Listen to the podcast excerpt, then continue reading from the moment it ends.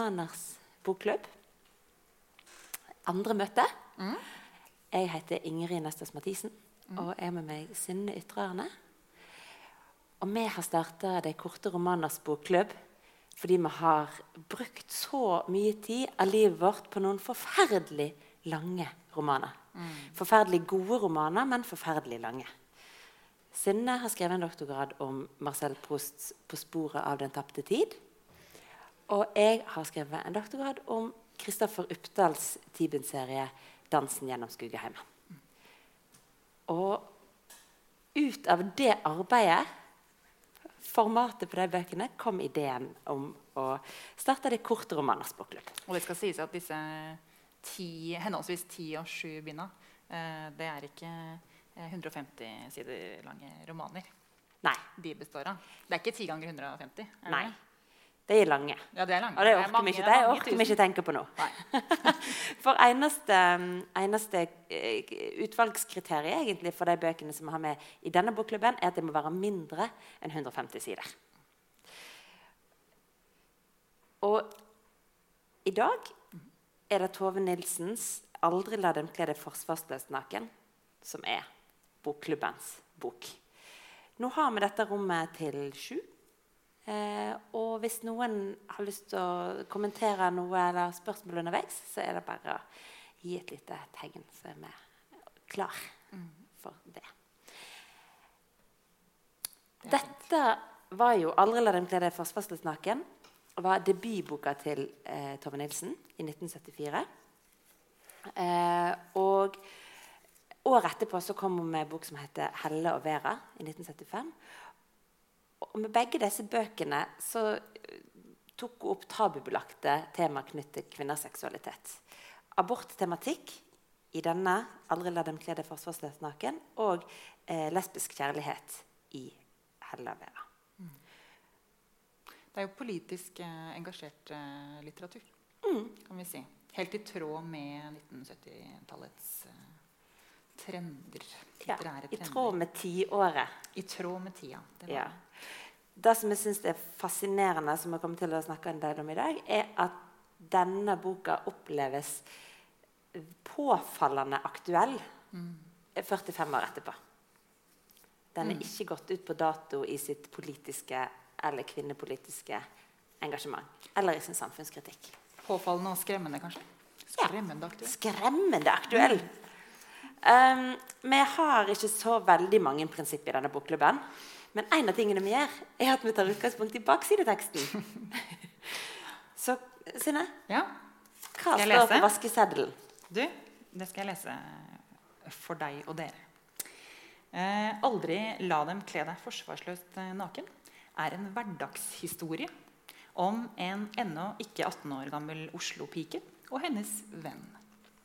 Den lavmælte fortellingen følger dem i ukene fra gymnasiasten Tonjes første uro over menstruasjonen som uteblir, og frem til graviditeten er konstatert ganske nøktern eh, framstilling av handlingen i, den dramatiske handlingen i denne eh, lavmælte fortellingen. Ja, og så er det jo litt interessant at da at hun faktisk er gravid, da blir avslørt her på baksida. For på en måte er jo den uroen knytt til da, om hun faktisk er gravid, det er jo en slags motor i fortellingen. Eh, men egentlig så vet vi det allerede fra starten. Det er jo gitt vekk på baksida. Eh, Hun er gravid. Og det får vi egentlig ikke vite før på siste side. Ja. Eh, så det er ikke spørsmålet om hun er gravid eller ikke, som er hovedspørsmålet. Nei, det er ikke det som er på spill. det er ikke det som er på spill. Nei. Hva er på spill? Du, det er mye, mye som er på spill, men, eh, men eh, det er jo hva denne situasjonen som hun har havna i mot sin egen vilje, da, eh, gjør eh, med henne. Uh, og uh, Altså, Mot sin egen vilje. Hun har jo, Ja. det, hun er ikke uf, det er ikke et ufrivillig Altså, Hun er jo i et Tonje, som Ja, denne 17 ja, år det er- gamle det er er viktig å klarere. eh, har, er jo egentlig i et trygt og godt forhold med sin kjæreste Henrik. Ja. Og de har sex. Mm, Ja. Sånn at det er jo ikke ufrivillig at, uh, at hun har sex. Nei. Men hun hadde ikke tenkt å bli gravid? Nei, men altså eh, Det kan man ikke alltid kontrollere. I hvert fall ikke når man som Tonje har eh, litt sånn uvilje mot hormonelle prevensjonsmidler. Nei. Det synes jeg det er veldig, det er et gjenkjennelig punkt. da. Eh, for mange kvinner, tror jeg. Den Ja. uviljen mot å putte hormoner i kroppen. Ja. hun kunne jo faktisk allerede i 74 eh, beskytta seg ved å bruke p-piller. Mm. Og hun prøver òg ut prevensjonsmiddelet Pessar. Ja. Og får eh, da utdelt av sin lege og får med seg en manual. ja. Og Tove Nilsens beskrivelse av eh, sånn var det å gå til legen, få denne eh, Pessar-pinnen og bare denne heftet med seg, eh, er jo egentlig en sånn veldig sånn synliggjøring av Oi, det var et fremmed, eh, merkelig, eh, prevensjons, vanskelig eh, prevensjonsmiddel å bruke. Ja. Men når hun blir gravid, så er jo det fordi det er noe så eh, komisk Hverdagslig. Hverdagslig som at kondomen sprekker. Ja. Ja. Akk. Det, akk. Ja, og det høres ut som en dårlig komedie eller en dårlig forklaring. Ja. Men det er det som skjer. Ja. Eller det, Så på den måten er hun jo ufrivillig gravid. ja, det er ikke planlagt. Ja. Ja. Eh, mot hennes vilje, fordi de ville jo ikke at det skulle skje. Nei. Ingen vil jo det, men det, skjer jo, det skjedde jo på 70-tallet. Akkurat som det kan eh, skje i dag. Eh, men konsekvensene da eh, var noen litt andre enn det de ville vært i dag. Fordi eh, retten til eh, selvbestemt eh, abort ennå ikke var et faktum. Og når er det den blir et faktum, Ingrid? I 1969 så kommer det et forslag eller et, da, da, Fra 1964 så kan man få gjennomført lovlig abort i Norge, men da må man gjennom en nemnd.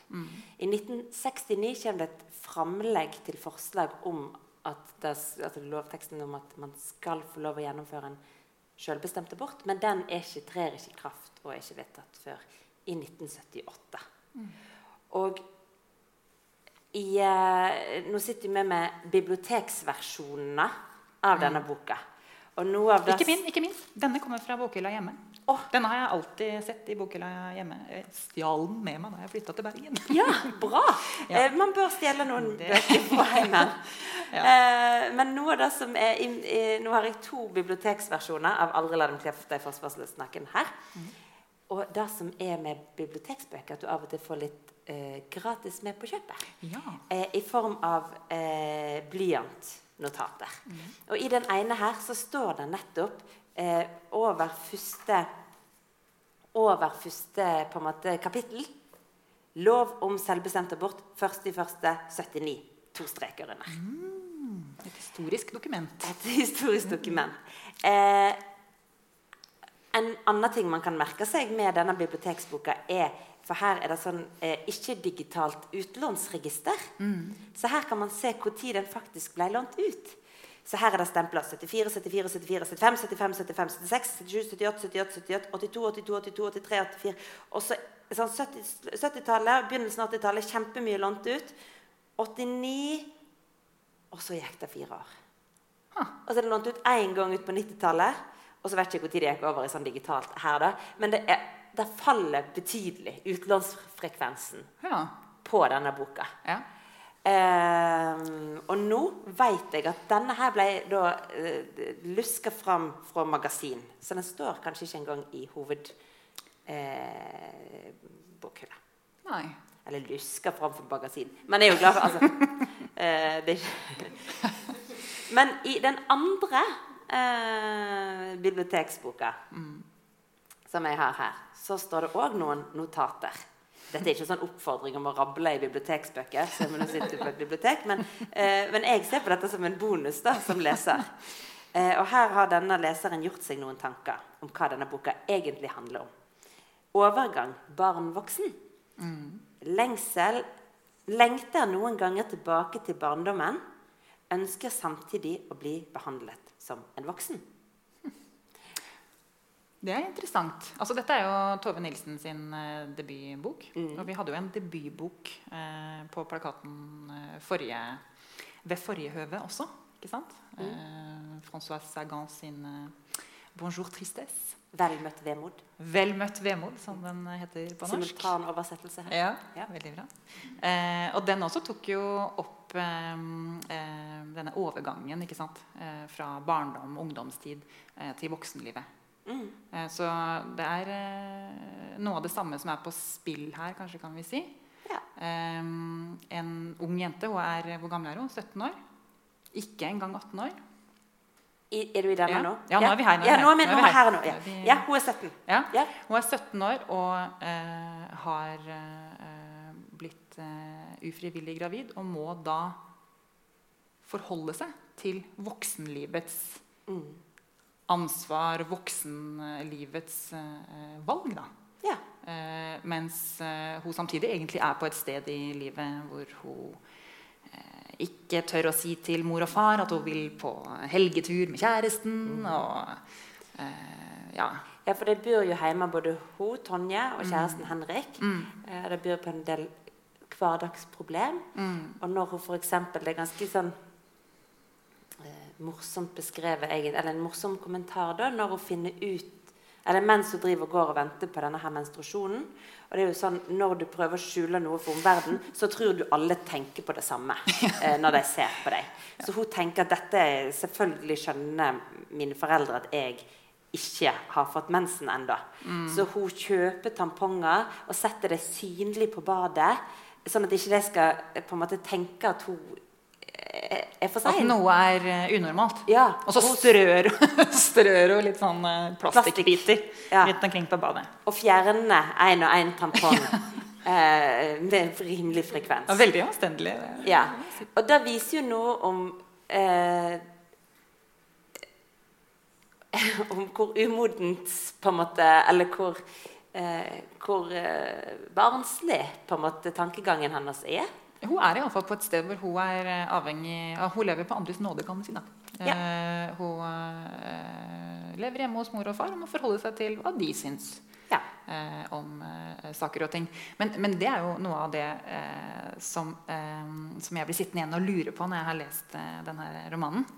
For Tonje sier jo aldri til foreldrene sine at hun muligens er gravid. Hun lufter det aldri med dem. Og var ganske sikker på at de sikkert ville ta det på en veldig dårlig måte. Mm. Men jeg blir sittende og lure på liksom, Hva hadde de sagt? ja. Tror du hun har eh, Jeg tror foreldrene til Henrik hadde tatt det dårligere. Å ja, det tror jeg også. eh, relasjonen De liker jo ikke Eller hun der opplever hun at ikke det er en god relasjon Ja. mellom hun og sine eh, kanskje mulige tilkommende svigerforeldre. Ja. Ehm, Men det er i alle fall litt påtagelig at hun, hun tar liksom på seg dette eh, ansvaret, som kanskje er litt for stort for henne, veldig alene. ja. Sant? Hun, hun øh, søker ikke hjelp hos eh, mor og far. Og Nei. tar øh, eneansvar for det.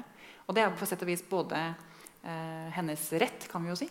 Mm. Det er jo eh, kvinna som eh, skal leve med konsekvensene av eh, graviditeten. da. Um, sånn sett er det viktig at hun får bestemme sjøl.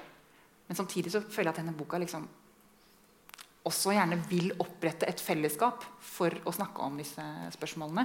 ja. Fordi at eh, Jeg leste bare halvparten av uh, denne baksideteksten i stad. Uh, og hvis vi ser uh, litt mer på det, så kan vi se at Tove Nilsen er ganske bevisst på hvem det er hun henvender seg til i denne boka. Hun skriver bl.a. en jeg har skrevet boken i håp om å nå noen av alle dem som uttaler seg mot selvbestemt abort ut fra teoretiske overbevisninger, men som aldri har opplevd et uønsket svangerskap selv. Jeg har valgt en skjønnlitterær form for lettere å få formidlet en følelsesmessig opplevelse av situasjonen. Der er det mye å ta tak i. Men la meg lese eh, slutten på baksideteksten også.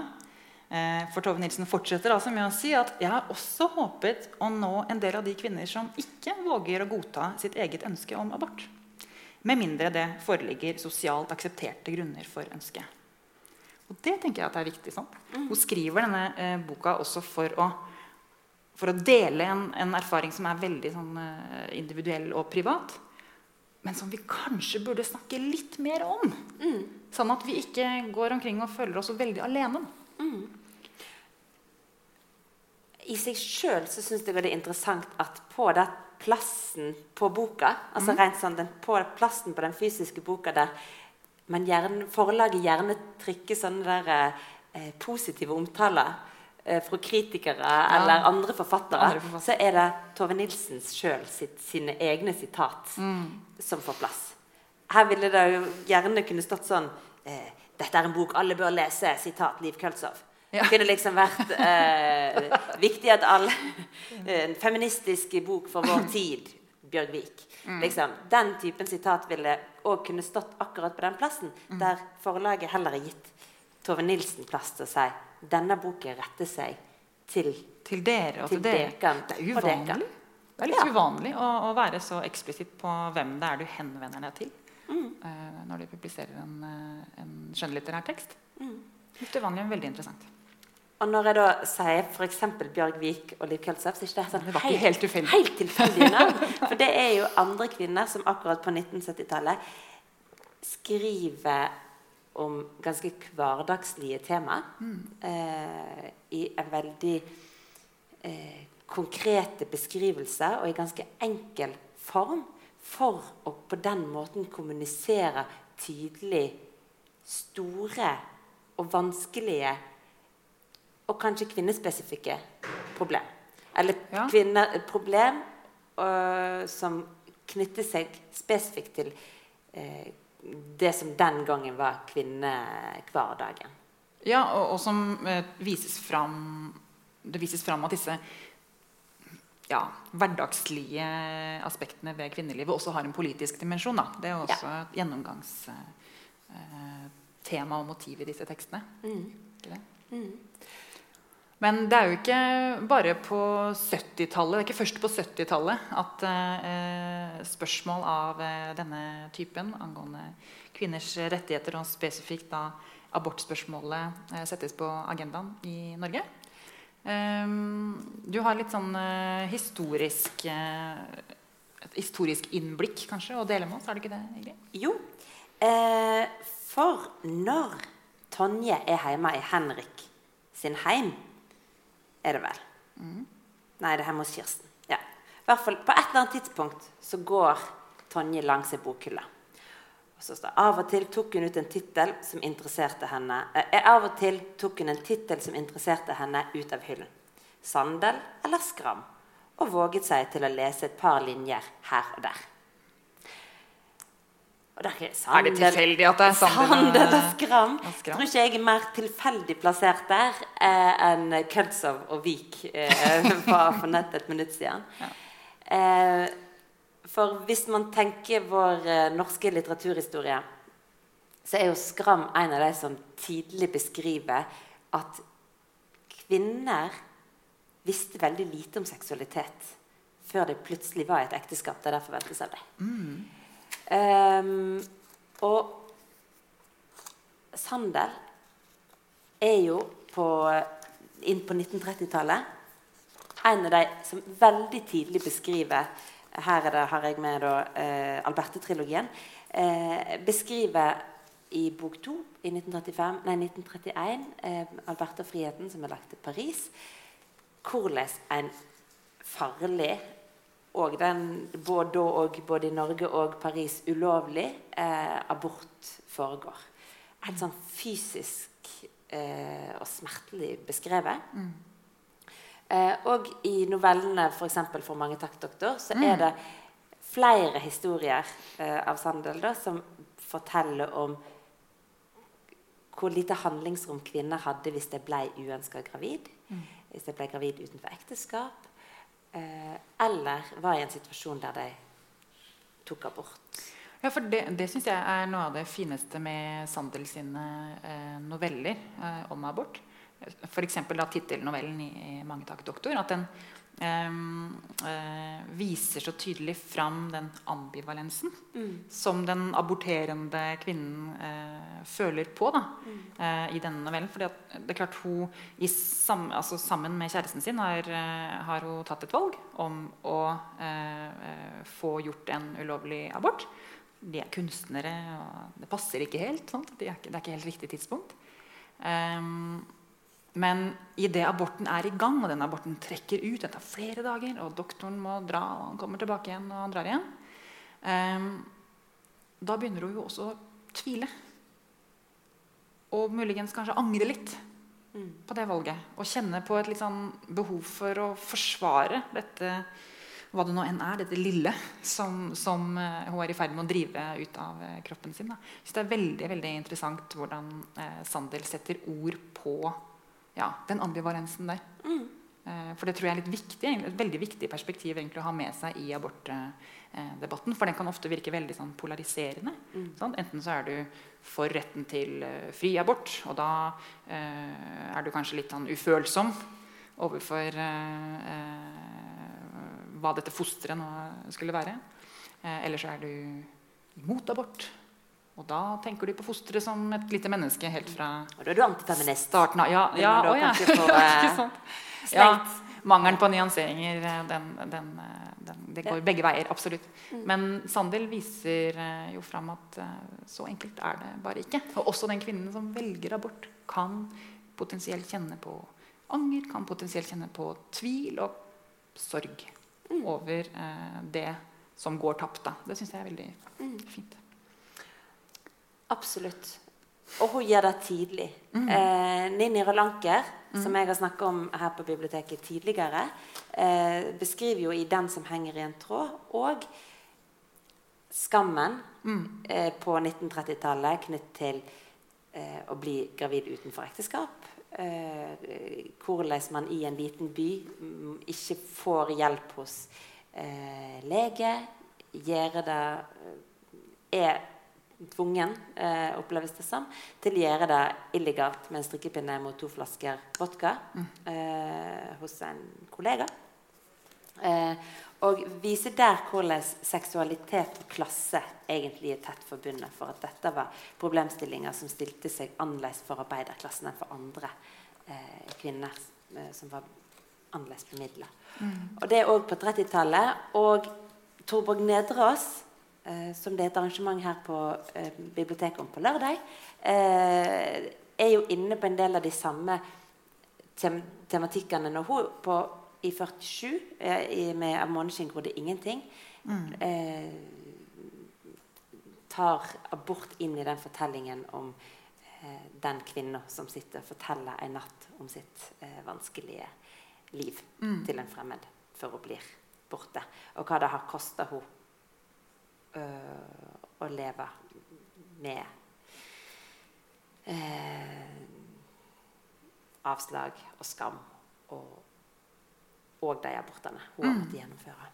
Men dette er jo, eh, dette er jo eh, temaer som fortsatt er aktuelle på 70-tallet. Når Tove Nilsen skriver eh, boka si.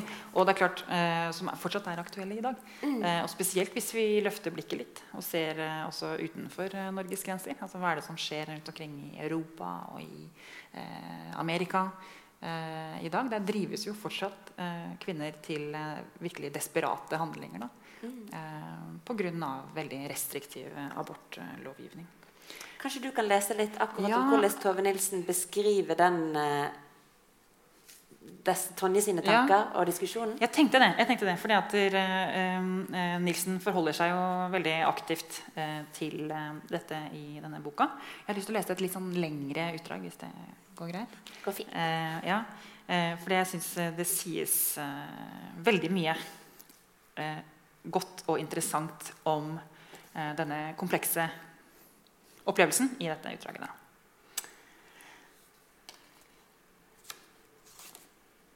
Men en annen tanke meldte seg, sviende som besk hån. Hun slapp den nødig opp til overflaten, men så kunne den stå der uten varsel og flire foraktelig av henne. Reaksjonen hennes var ikke normal. Det var en ganske naturlig ting som skulle skje med henne. Noe som skjer hundrevis av kvinner hver eneste dag. Og de tar det som de skal, de fleste av dem. Mens hun tok det nærmest hysterisk. Hun skammet seg over det og våget ikke å vise hvor redd hun i virkeligheten var for å være gravid. Hun følte uklart at hun måtte ikke det. At det på en måte ville være som en avsløring og et nederlag. Hun hadde forsøkt å begrunne angsten for seg selv med de ytre omstendighetene. At de var så altfor unge og verken hadde økonomisk eller annen mulighet til å ta seg av et barn. Men hun visste at om det kom aldri så ubeleilig, så kunne de praktiske problemene overvinnes om hun virkelig hadde gått inn for det. Hun visste at den reelle grunnen var at hun ganske enkelt ikke ville ha barn. Ikke noe annet. Hun ville ikke gå med det, ville ikke føde det, ville ikke ta seg av det. Uten at hun kunne forklare nøyaktig hvorfor. En kort tid hadde hun også forsøkt å innbille seg at angsten bare skyldtes det overveldende ansvaret. At hun vek tilbake for å få et lite menneske mellom hendene. Et liv som ville bli fullstendig avhengig av henne.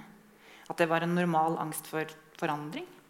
Et fenomen som skyldtes psykisk ubalanse, og som man påsto var vanlig de første månedene av et svangerskap. Men Tonje visste at det var ikke bare det. Det kunne ikke bortforklares på den måten. Hun hadde i det hele tatt vanskelig for å danne seg noe bilde av det som et barn. I tankene brukte hun aldri det ordet, men så på fosteret som et upersonlig det. En fiende som vokste seg sterkere dag for dag, som suget av livet i henne, og som stadig nærmet seg.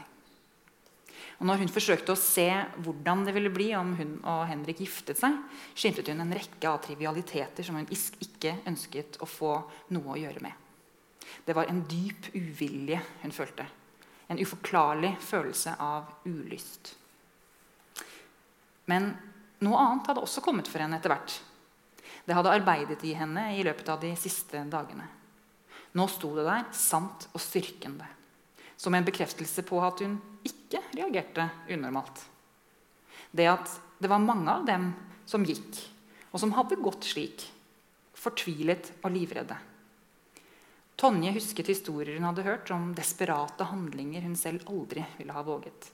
Om slikt hun helst ikke ville tro på. Og hun minte seg en dirrende het forsommerdag i fjor. Det var rett etter eksamen. Da klassen kom ut i skolegården, sto ambulansen der og ventet.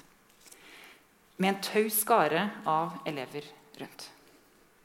Sykebærerne kom hastig ut igjen. De fikk et glimt av et blekt ansikt under ullteppene før bilen kjørte ulende bort. Senere fikk Tonje vite at eh, det var en pike fra parallellklassen.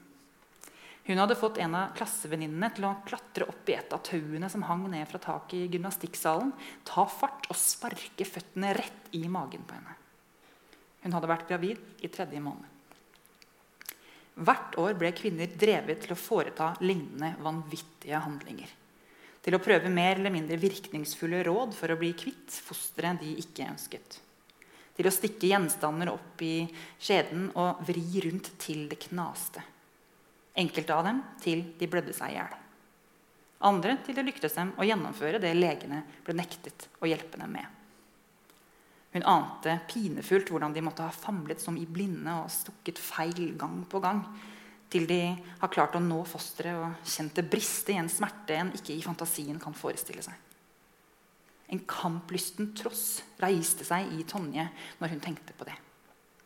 Om de som ville tvinge dem til å føde uønskede barn, bare kunne forstå hva de utrettet med tvangen sin. Ja. Er det ubehagelig å høre på? Ja, det er ubehagelig. Og eh, ja. Eh, dette her er jo eh, noe av det som ligger til grunn for denne boka. Sant? Det engasjementet, den trossen, som ja. vekkes ser jeg for meg da, i forfatteren, og i, ikke bare i henne, selvfølgelig, men, men uh, i alle disse kvinnene som føler uretten på kroppen. Og i disse biblioteksbøkene som jeg har, ja. så er det akkurat på disse sidene skrevet NB, NB. I, i, margen. Og i den andre her så er det streker. Det er nesten ikke et avsnitt eh, der det ikke er, er, er markert ja. i, i, margen. Så det, det, her er det Det er her. Ja, her, her uh, setter du ord på ting som er uh, gjenkjennelige, tror jeg, for mm. mange og som jeg tror er gjenkjennelige for mange uh, også i dag. Mm.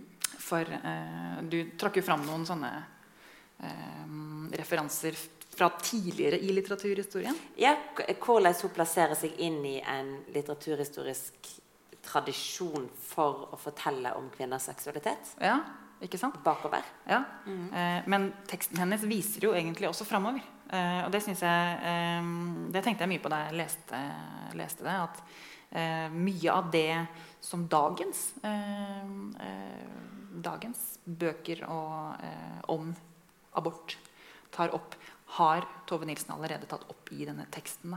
Eh, spesielt, så er spesielt opptatt av denne eh, det at hun nekter å bruke nekter å personifisere dette fosteret. Da, og sier at i tankene brukte hun aldri det ordet, altså ordet barn, eh, men så på fosteret som et upersonlig det. En fiende som vokste seg sterkere dag for dag, suget av livet i henne.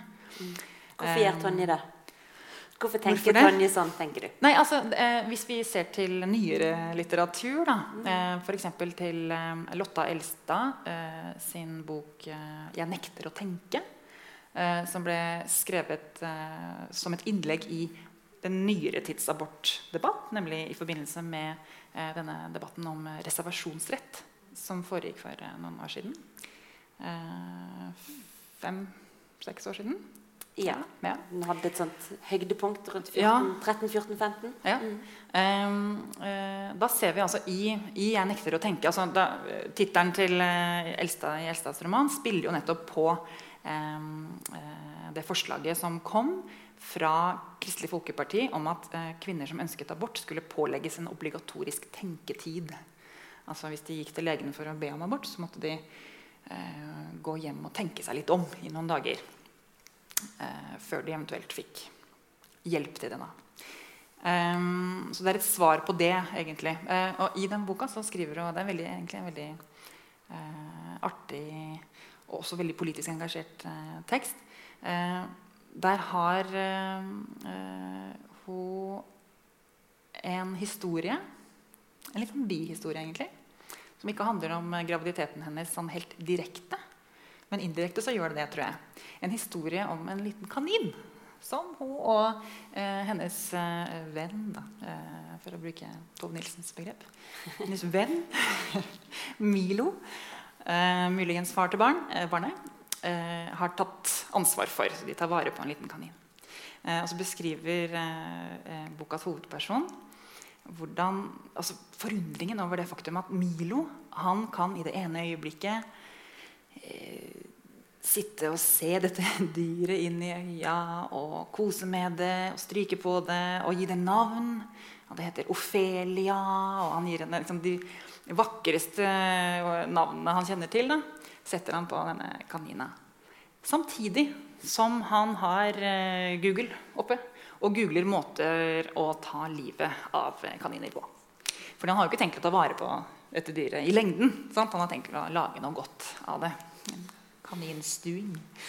Um, og da uh, sier Hedda, da, hovedpersonen i 'Jeg nekter å tenke', sier at for meg så er det da helt umulig. Jeg klarer ikke å forholde meg til denne kanina som om det var liksom et menneskeliggjort vesen. Jeg kan ikke gi det navn, jeg kan ikke kalle det for hun eller han. Eller, uh, for meg så er det der bare et det. Det er en ting hvor jeg må holde den tingen på avstand. For hvis ikke så klarer ikke jeg å ta livet av det. Og det er klart, Eksplisitt så handler ikke det om abort, men implisitt mener jeg at det er det det, det, er det hun egentlig eh, peker på der. Eh, nemlig det at idet du menneskeliggjør fosteret, så gjør du det veldig veldig vanskelig eh, for kvinner å velge abort. Og det er jo, tror jeg er noe av det som ligger til grunn for ja, bruk av retoriske strategier i de ulike antiabort eh, Ja, for der, der kjenner man jo den amerikanske pro-life-siden av kampanjen. sant? Det er vanskelig å si at man er mot pro-life, på en måte. Eh, og så har du, du kjenner jo den franske retorikken, Ja. Ja, som ja, er ja. kanskje litt mindre kjent debatt. Ja, det er sant. Men det er jo, det er jo en eh, Altså, det er en eh, voksende eh, antiabortbevegelse i eh, Frankrike nå. Det er veldig mange unge mennesker som engasjerer seg eh, imot eh, eh, abort. Og hva er det de kaller denne bevegelsen? da? Er det eh, le doigt perdu? Altså eh, den manglende fingeren. At alle har vi jo fem fingre på hånda. Men eh, symbolet for denne bevegelsen det er en eh, hånd som mangler en finger. Og tanken, altså det de, det de sier, da, eh, disse unge, det er at eh, de fleste av oss, i hvert fall veldig mange av oss, eh, har en bror eller en søster som ikke lenger er blant oss, og som vi savner. Og det de snakker om da, det er ikke eh, barn som har blitt født og som er døde igjen. Det er aborterte eh, fostre. Fordi én av fem da Det er den statistikken de opererer med. hvert fall. Én av fem eh, svangerskap eh, avsluttes eh, og fullbyrdes eh, ikke. Ehm, så ja, en form for menneskeliggjøring. Det, det er jo ikke en, det er ikke en uvanlig strategi, men det er en, en strategi som ja, mange benytter seg. Og Tonje eh, går nettopp dit. Hun, hun, klar, hun må ta avstand til dette fosteret med å si det er det. Um, mens eh, Tenker du når du leser dette er jo dette ganske sånn tydelig med her og tett på hvordan Tonje tenker. Men romanen som helhet, er det en ensidig framstilling av uh, abortsaken? Eller kommer det andre perspektiv til uttrykk i denne romanen, sånn som du ser det? Det vil jeg jo si at det gjør. Altså, tenker du på den, Apropos den der eh, ja, ambivalensen man kan kjenne på. Altså, ja, selvfølgelig Flere perspektiver kommer til uttrykk her. Det, det gjør det jo fordi at man er jo ikke alene om å lage et barn. Eh, heller ikke i denne romanen. eh, og eh, Henrik, eh, far til eh, eh, Eller far til Nå gjør jeg det! Uten å Ja. Mm. Den medvirkende faktoren Henrik. La oss være litt klinisk. Donor? Nei, nei. Ja, eh, mm, Henrik, eh, som også har del i eh, Akten. ja. I dette fosteret. Eh, Henrik, hvis kondomsprakk. ja, fint. Eh, vi får også eh, eh, følge liksom hans perspektiv innimellom. For vi får vite litt om eh, hvordan han erfarer denne situasjonen. Og det som er interessant da, er jo at Henrik egentlig er mer åpen for å muligens eh, beholde det som har skjedd. Ja. Beholde barnet. ja. Eh, han er egentlig åpen for det og tenker at okay, han har en midlertidig lærerjobb, og hun går på skolen og er ikke eh, ferdig der ennå. Men det skal nok gå. tenker han. Nå har det skjedd, og da, da eh, skal det nok gå. Eh, så sånn sett, ja, så føler jeg at det er en tekst som, som henter fram ulike perspektiver. Og han sier jo helt sånn eksplisitt 'Jeg skulle ønske vi kunne beholde det'. Ja. Eh, og han sier òg noe annet som er veldig interessant. For han eh, For som du I det sitatet, eller det utdraget som du leser her, så, så gir jo Tonje seg noen tanker. Dette er bare noe jeg ikke vil. Eh, det handler ikke bare om at ikke det passer nå, fordi jeg er 17 år og bor hjemme og ikke er ferdig med skolegangen. Dette er eh, eh, noe hun ikke ønsker Så enkelt som det, egentlig. da. i, i livet sitt. Ja.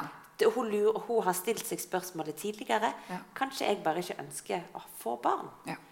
Eh, og så lurer hun på Er det ok? Er det en god nok grunn, liksom? Ja. Ja. Og dette har jo òg Henrik sett Mm. eh, i henne. Og han ser Det er òg en interessant scene der han har et, en nevø som er nyfødt eller lite, og der han sier Henrik tenker sånn Jeg kunne sitte med dette barnet på fanget i timevis, og Tonje har aldri engang ville holde han. Og han sier eh, det er ingen interesse, hun er ikke interessert. Og, og eh, eh, det var et trekk han mislikte hos henne. Altså, Når Henrik ser at hun ikke engang ønsker seg barn, at ikke det vekker noen interesse eller glede i henne, uavhengig av deres egen, hennes nåværende graviditet, så er det noe som er, han er, finner avstøtende. Uattraktivt. Ukvinnelig, kanskje? Ja, kanskje. Kanskje det er det som gjør at det er en mismatch da, eh, mellom det han ser for seg. Og han ønsker jo åpenbart barn. barn. Eh, både generelt og akkurat nå. sant? Eh, men jeg syns at Tove Nilsen fører deg inn i, dette perspektivet inn i romanen på en rimelig måte. Med berømme Sandel for å vise ambivalente følelser knyttet til det å gå av gravid og trenge eller ønske seg en abort. Og selv om Tove Nilsen, med, ikke minst med den baksideteksten, skriver en mye mer sånn Dette er en politisk roman. Nå har jeg skrevet om dette i sakprosaform. Nå gir jeg det skjønnlitterær form.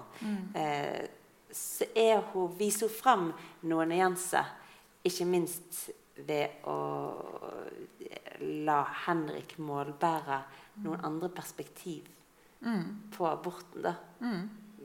Men han har òg eh, et annet syn på kvinner enn det Tanje Ja. viser. Han er jo ikke kvinne, for det første. Nei. Nei. Men- men òg de som ikke har kvinner, har forskjellige kvinnesyn. Og òg de som er kvinner, har forskjellige kvinnesyn. Ja. Kan, bare, eh, kan vi dvele litt ved det, det som det utgangspunktet ditt? Eh, eh, for å sette Henriks og eh, Tonjes perspektiver opp imot hverandre. For jeg syns, jeg syns jo egentlig det er veldig eh, en styrke eh, eh, ved boka. En styrke ved bokas behandling av dette abortspørsmålet. Eh, det faktum at eh, Tonje eh, vil ganske enkelt ikke ha barn. Ja. Eh, uten at det egentlig ligger noen liksom, grunner det, klart, Jo, selvfølgelig så ligger det eh, grunner bak. Blant annet så føler hun seg ikke klar. altså Hun er jo veldig eh, eh, ung. Men når hun selv da tenker over eh, spørsmålet, så sier hun at hun visste at den reelle grunnen var at hun ganske enkelt ikke ville ha barn. Ikke noe annet.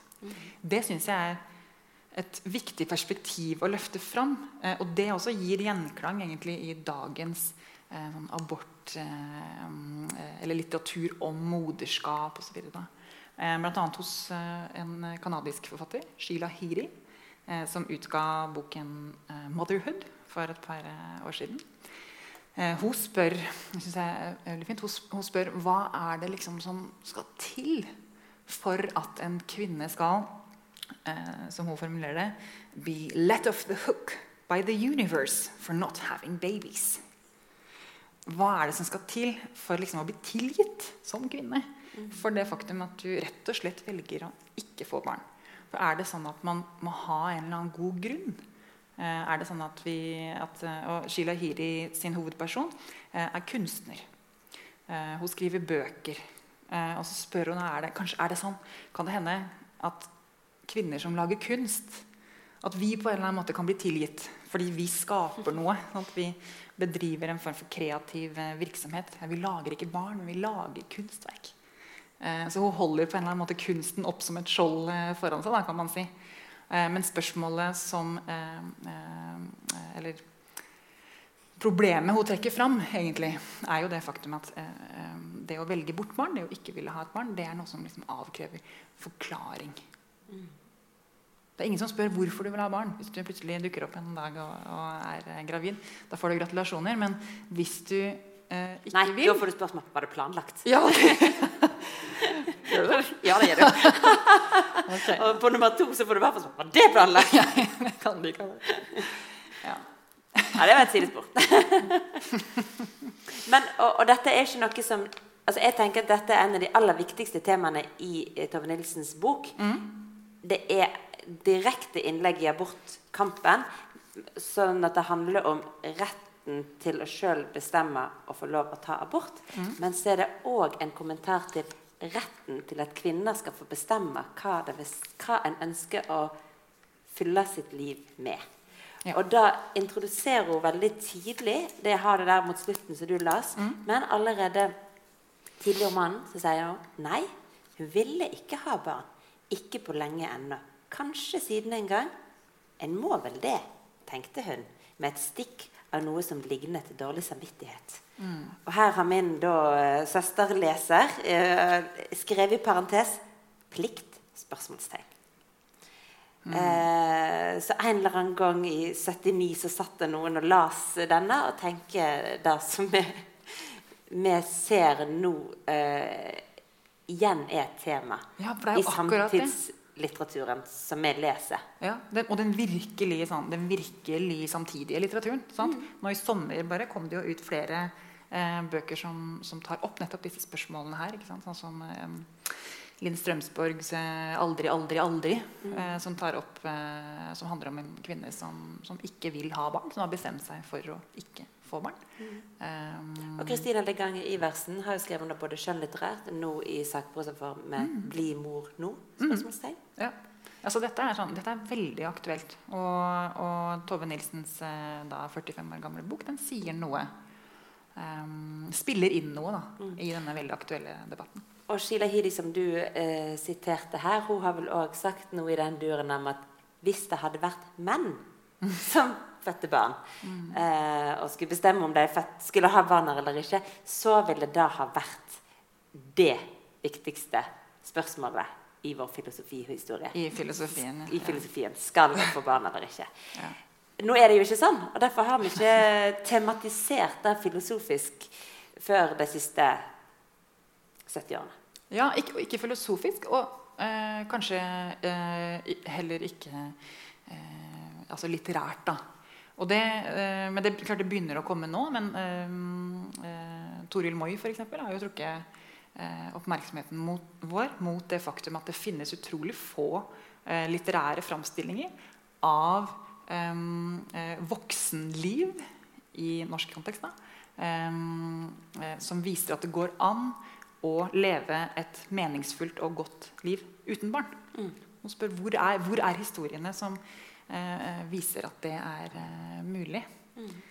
for det er kanskje en tendens til å tenke, tenke litt sånn eh, i, i Norge at eh, det å få barn, det gir livet ditt mening. Mm. så da kan man spørre seg da, hva med de som ikke får barn? Hva er det som gir de barnløses, eller barnfries, liv mening? Mm. Plikt er jo, og forventning til kvinneliv er én sånn tema. En annet sånn ord som melder seg når jeg leser denne romanen, er jo spørsmålet om skam. Ja. ja. Eh, for Tonje, som fra første setning driver og regner hvor langt eh, på overtid hun er menstruasjonsmessig nå, eh, utsetter f.eks. det å gå altså Hun har skammer seg for å ha en seksualitet, så da skjuler hun jo for sine foreldre. Hun, har nå, hun må jo konferere med dagboka si eh, for å finne ut hvor lenge siden det er hun har hatt uh, mensen sist. Men den har hun egentlig slutta å skrive i etter hun ble sammen med Henrik. For da kan jo du komme i skade for å skrive noe som avslører at hun har en seksualitet. Og altså tror hun at det er fare for at mor eller far leser dagboka. Eh, så det sier jo noe om det der eh, rammene hun lever innenfor. Barn-voksen-overgangen. Barn-voksenovergangen. Ehm, så hun skammer seg for i det hele tatt ha en seksualitet. Så har hun det likevel. Og da skammer hun seg for Eller hun utsetter å ta kontakt med lege for å finne ut om hun er gravid. Og det tenker jeg har med skam å gjøre. Ja. Eller er det noen grunn til å utsette det? Nei, det meste har jo med skam å gjøre. Men, Ja, eh, men det gjør det.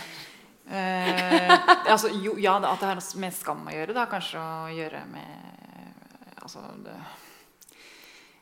det, det er noe med å pre, Man presser liksom framfor seg det man Ja. ikke helt orker å forholde seg til. da Ja. Men eh, det er jo litt sånn eh, selvfølgelig litt eh, gåtefullt. Hva sier helsevesenet? Er det andre grunner til å ikke ta Ja. kjenner igjen den som sier du trenger det ikke skyve. Men det kan jo gå altså, Det kan jo enda skje. Ja. Kanskje, sant? Ja. Bare drøye, drøye. Sant? Og så Ja, og så, og så har jeg inntrykk av at hun ikke vet ennå. For det som skjer på slutten, er jo at hun får konstatert at hun er gravid. Sant? I dag kan vi jo ta eh, graviditetstest, og så får du beskjed ja, du er gravid i veke fire og to dager. liksom. Jeg tror ikke man kunne det i 74 like presist. Eh, altså at hun går til legen bare for å få det konstatert. Sånn at hun kanskje òg bare sånn, Hun går jo og venter på den der eh, at menstruasjon Den kan jo fremdeles komme. Og hvis den ikke kommer, så kan jo dette fremdeles gå vekk av seg sjøl. at den der Ja.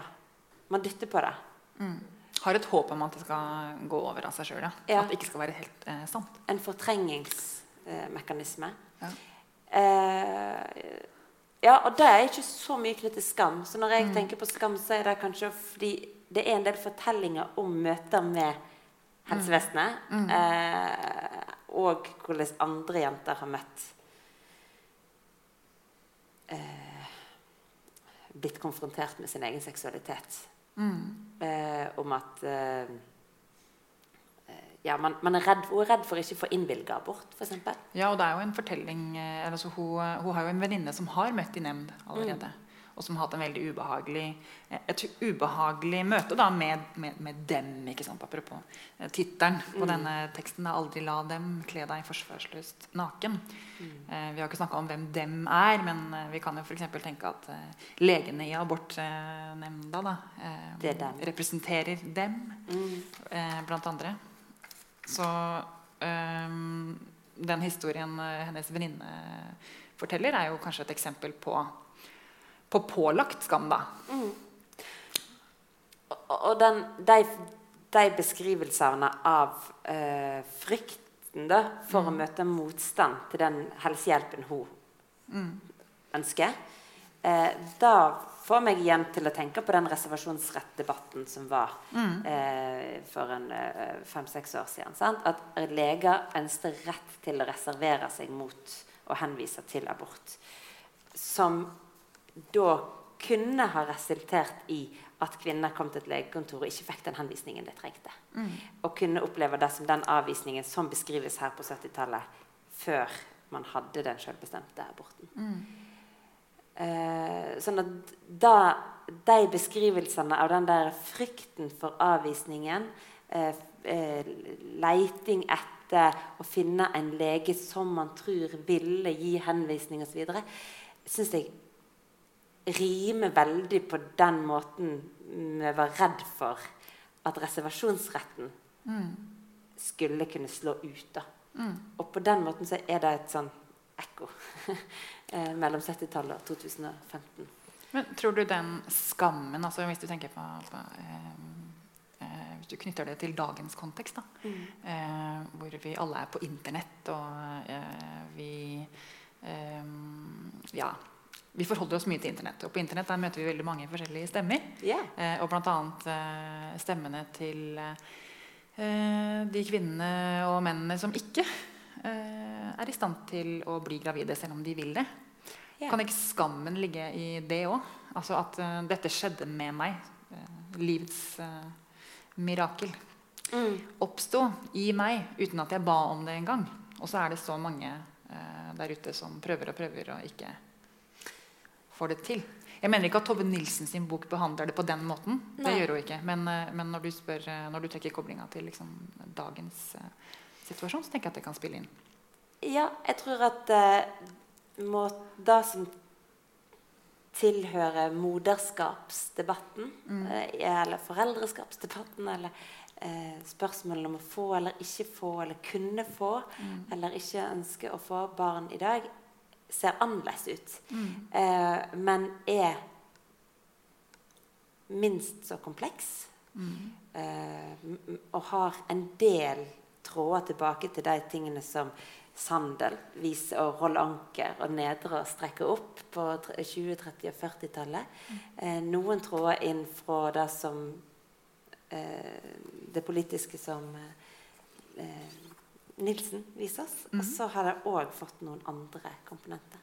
Men du har en tekst Ja. som oss akkurat Gir oss et eksempel på hvor debatten kan oppleves relevant i dag. Ja, eh, og, og eh, det er en veldig eh, fin tekst, syns jeg. Det er et eh, dikt. Eh, skrevet av eh, en av våre samtidige forfattere, som mange kanskje best kjenner som romanforfatter, nemlig Monica Isakstuen. Eh, hun har en, eh, en diktsamling som heter 'Alltid nyheter'. Og i denne samlinga er det et dikt eh, som heter 'Noe jeg vil skrive om, som jeg ikke vil skrive om'. Og jeg syns dette diktet eh, Jeg syns tittelen er veldig fin, men jeg syns eh, diktet i seg sjøl altså er, er veldig fin. Um, og tittelen peker jo nettopp på dette behovet for å utvikle et språk for å snakke om disse erfaringene. ikke sant? Ehm, apropos det vi sa i stad om Toril Moi og mangelen på litterære framstillinger. Ja, som, som uh, har, vi har vist noen eksempel, men det er kanskje først i de senere tid at vi ser at disse fortellingene Hva er en abort i dag? Hvordan, hva betyr en medikamentell abort? Hva, hvordan, det er beskrivelsene, fortellingene om det. Eh, ambivalensen som, og kompleksiteten som kvinnen står i. De fortellingene kommer i litterær form, i eh, på Heimebarnet-serie. Ah, Heimebarnet. eh, på 113 NRK sin dokumentarserie. Så de fortellingene blir synlige mer enn de har vært. Og det er nok viktig. Ja, det er viktig. Det er veldig fint. Men les. Jeg skal lese. jeg skal lese. Eh, dette er også litt sånn eh, lang tekst, eh, men jeg håper dere vil like det. Noe jeg vil skrive om som jeg ikke vil skrive om. Soldater blir spurt om de kan tenke seg å drepe hvis det skulle bli nødvendig. Hjemvendte soldater blir spurt om de har gjort det. Har du drept noen? Resten av oss får være i fred. Vi blir ikke spurt. Hvilken grunn skulle vi ha for å drepe noen? Ifølge statistikkene skal 8% av alle kvinner gjøre det. At døde av et barn. Stig Dagermann har skrevet om det, men hva visste vel han? Skulle bare skrive på oppdrag. Han trengte pengene. Noe om korte sekunder som forandrer hele liv. Noe farlig, noe fort, noe ugjenkallelig, noe virkelig grusomt. En mann, en bil, et barn. Hvitt sukker, knust kopp, knust kropp. En helt vanlig sommerdag, en helt vanlig mann. En vanlig lykkelig mann som ikke er ond. En vanlig lykkelig mann som ikke er ond, som kommer kjørende litt. Gjennom byen en sommerdag, ei lyshåra jente over veien, helt plutselig. Og hvordan mannen skal bruke resten av livet på å trøste sitt eget speilbilde, det var ikke din skyld. Hele livet på ikke å tro sine egne ord. Ty så ubarmhjertig, skriver Stig Dagermann, er livet mot den som har dødat et barn. At allting efteråt er for sent. Når jeg skal skrive om det, jeg trenger også pengene, får jeg ikke samme flyten som Stig. Prøve med dette. Det er ikke et barn. Det er celler som deler seg. Å kvitte meg med celler er noe jeg gjør hver dag. Jeg biter negler, grer av meg hår, klør vekk en skorpe. Men på sykehuset spør de likevel er du sikker. Se på skjermen mens de snakker, og lurer på hva de ser. Et ansikt, hender, føtter, en kropp som skal bli større hvis jeg vil. Er du sikker? Ja. Siden er det noen uker å vente. Og jeg må ikke tenke på hva som blir til, hva som vokser hvis jeg lar det vokse. For jeg er sikker. Sier jeg har et pragmatisk forhold til dette. Det finnes en tid for alt, og dette er ikke tida. Jeg er ikke typen som kommer til å gå rundt og tenke på hvordan den ville sett ut osv. Det er bare 0,5 millimeter. Det er bare celler som deler seg. Det er bare en prikk. Ser du? Nei. Umulig tanke 1. Jeg og alle jeg kjenner, har vært en prikk. Kunne også skrive at jeg er en helt vanlig kvinne som ikke er ond. At jeg i utgangspunktet ikke ville drepe noen. At det som burde ligge til rette, ikke lå til rette. At det som kunne ha passet, ikke passet. Men dette er hva som er så fint. Vi bor i Norge. Vi bestemmer selv hva vi skal bli, når vi skal bli det, hva vi skal ta på oss, når vi skal gjøre det, hvem vi skal være sammen med, hvor lenge vi skal være det, hva vi skal spise, når vi skal spise det, agurk, tomat, sjokolade. Vi bestemmer selv. Vi har alltid et valg. Bo i området med innvandrere, bo i området uten innvandrere. La de gamle bo hjemme, sende de gamle på hjem. Gjør hva du vil. Sett barn til verden. La være å sette barn til verden. Og hvis du er i tvil, kan du få råd på barnemagen.com, mammanett.no, babynett.no, barnemix.no fra folk uten ordentlige navn som gjør så godt de kan. Følger kjerringråd og kjøper vitaminpiller og ligger sammen hele døgnet. Det er til å bli gal av. De har virkelig fortjent det nå, har de ikke? Hva med alle som blir gravide uten å løfte en finger? Og hva med de som ikke engang vil, men blir det likevel? Og hva med alle de som ikke lar barna sine bli født engang? skriver Maria. Hun har mye på hjertet. For hvem har rett til å definere et liv? Hvem har rett til å ta et liv? Vet ikke du at hendene, føttene, fingrene finnes i uke ti? Se godt etter. Ansiktet er der når du skyller ned og tar på deg buksa og reiser deg igjen og kaller deg uskyldig. Å drepe et barn, det er det du har gjort. Det er det du gjør. Det er det du fortsetter å gjøre hvis ingen stopper deg, sier Maria.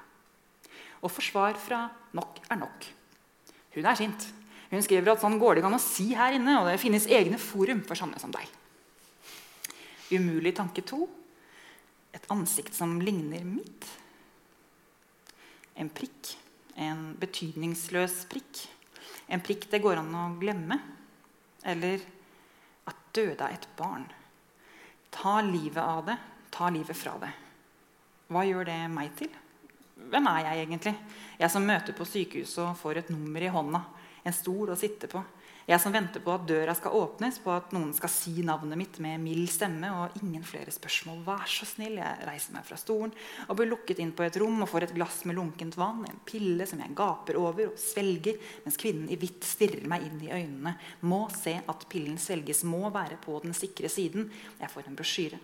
Den forklarer at det var en stoppepille, en hindrepille, en slutte å vokse-pille, en bli kvitt det du ikke vil ha-pille, en drepepille. I to døgn går jeg rundt med hendene på magen og drømmer om politiet. At jeg melder meg som vitne, sier det skjer noe her, og det høres mistenkelig ut. Jeg ville sjekka det hvis jeg var dere. Det kan virke som om ungen min dør, og det kan virke som om jeg ikke bryr meg. Umulig tanke tre. Men jeg bryr meg. Og jeg er nødt til å skrive dette. Jeg er nødt til å gni det inn for å lære noe av det. For ikke å gjøre det igjen. At døde av et barn, eller som vi foretrekker å si, den enkle, selvvalgte 'kvitte meg med det jeg ikke vil ha'-handlingen, som vi kaller den Ja, hva kaller vi den? En handling som hindrer ordene. Jeg vil bortforklare dette, men jeg kan ikke bortforklare dette. Jeg gjorde det. En prikk. Kan jeg se den? For noe tull. Selvfølgelig kan du ikke se den. Har du vært på nettet? Du må ikke lese sånt. Det er ikke sant. Tror du virkelig at det er tilfellet? Tror du vi ville latt det skje? Vi lever i Norge. Vi vet hva vi gjør. At døde et barn. En vanlig lykkelig, ikke ond mann. En vanlig lykkelig, ikke ond kvinne.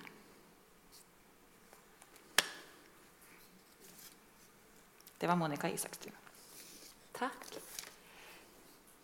Det er jo et veldig flott dikt som berører mange av de tematikkene vi har vært innom. Og, mange, og viser nettopp den sammenhengen mellom hva litteraturen i dag tar opp av disse temaene, som òg henger sammen med det eh, litteraturen på 70-tallet gjorde. Og jeg tror vi skal la Tove Nilsen få siste ordet med sin siste setning. Enig? For et spørsmål som gikk igjen i det diktet der, var Er du sikker? Er du sikker? Er du sikker? Og det siste Tonje sier i denne romanen, er Det skal bort, sa hun bare også rett på han. Litt trøtt, men absolutt sikker i stemmen. Flott. Flott. Da er bokklubben for i dag ferdig. Da kan de gå og låne 'Under sprekket' av Gunhild Øyehaug. eh, For vi møtes igjen om eh, sånn ca. en måned. 4. desember. 4. desember. Det er en onsdag. Ja, da blir det Undis eh, brekk. Og da trodde jeg du skulle si sånn Da blir det mandariner. Da blir det Eller noe sånt. mandariner og mandler og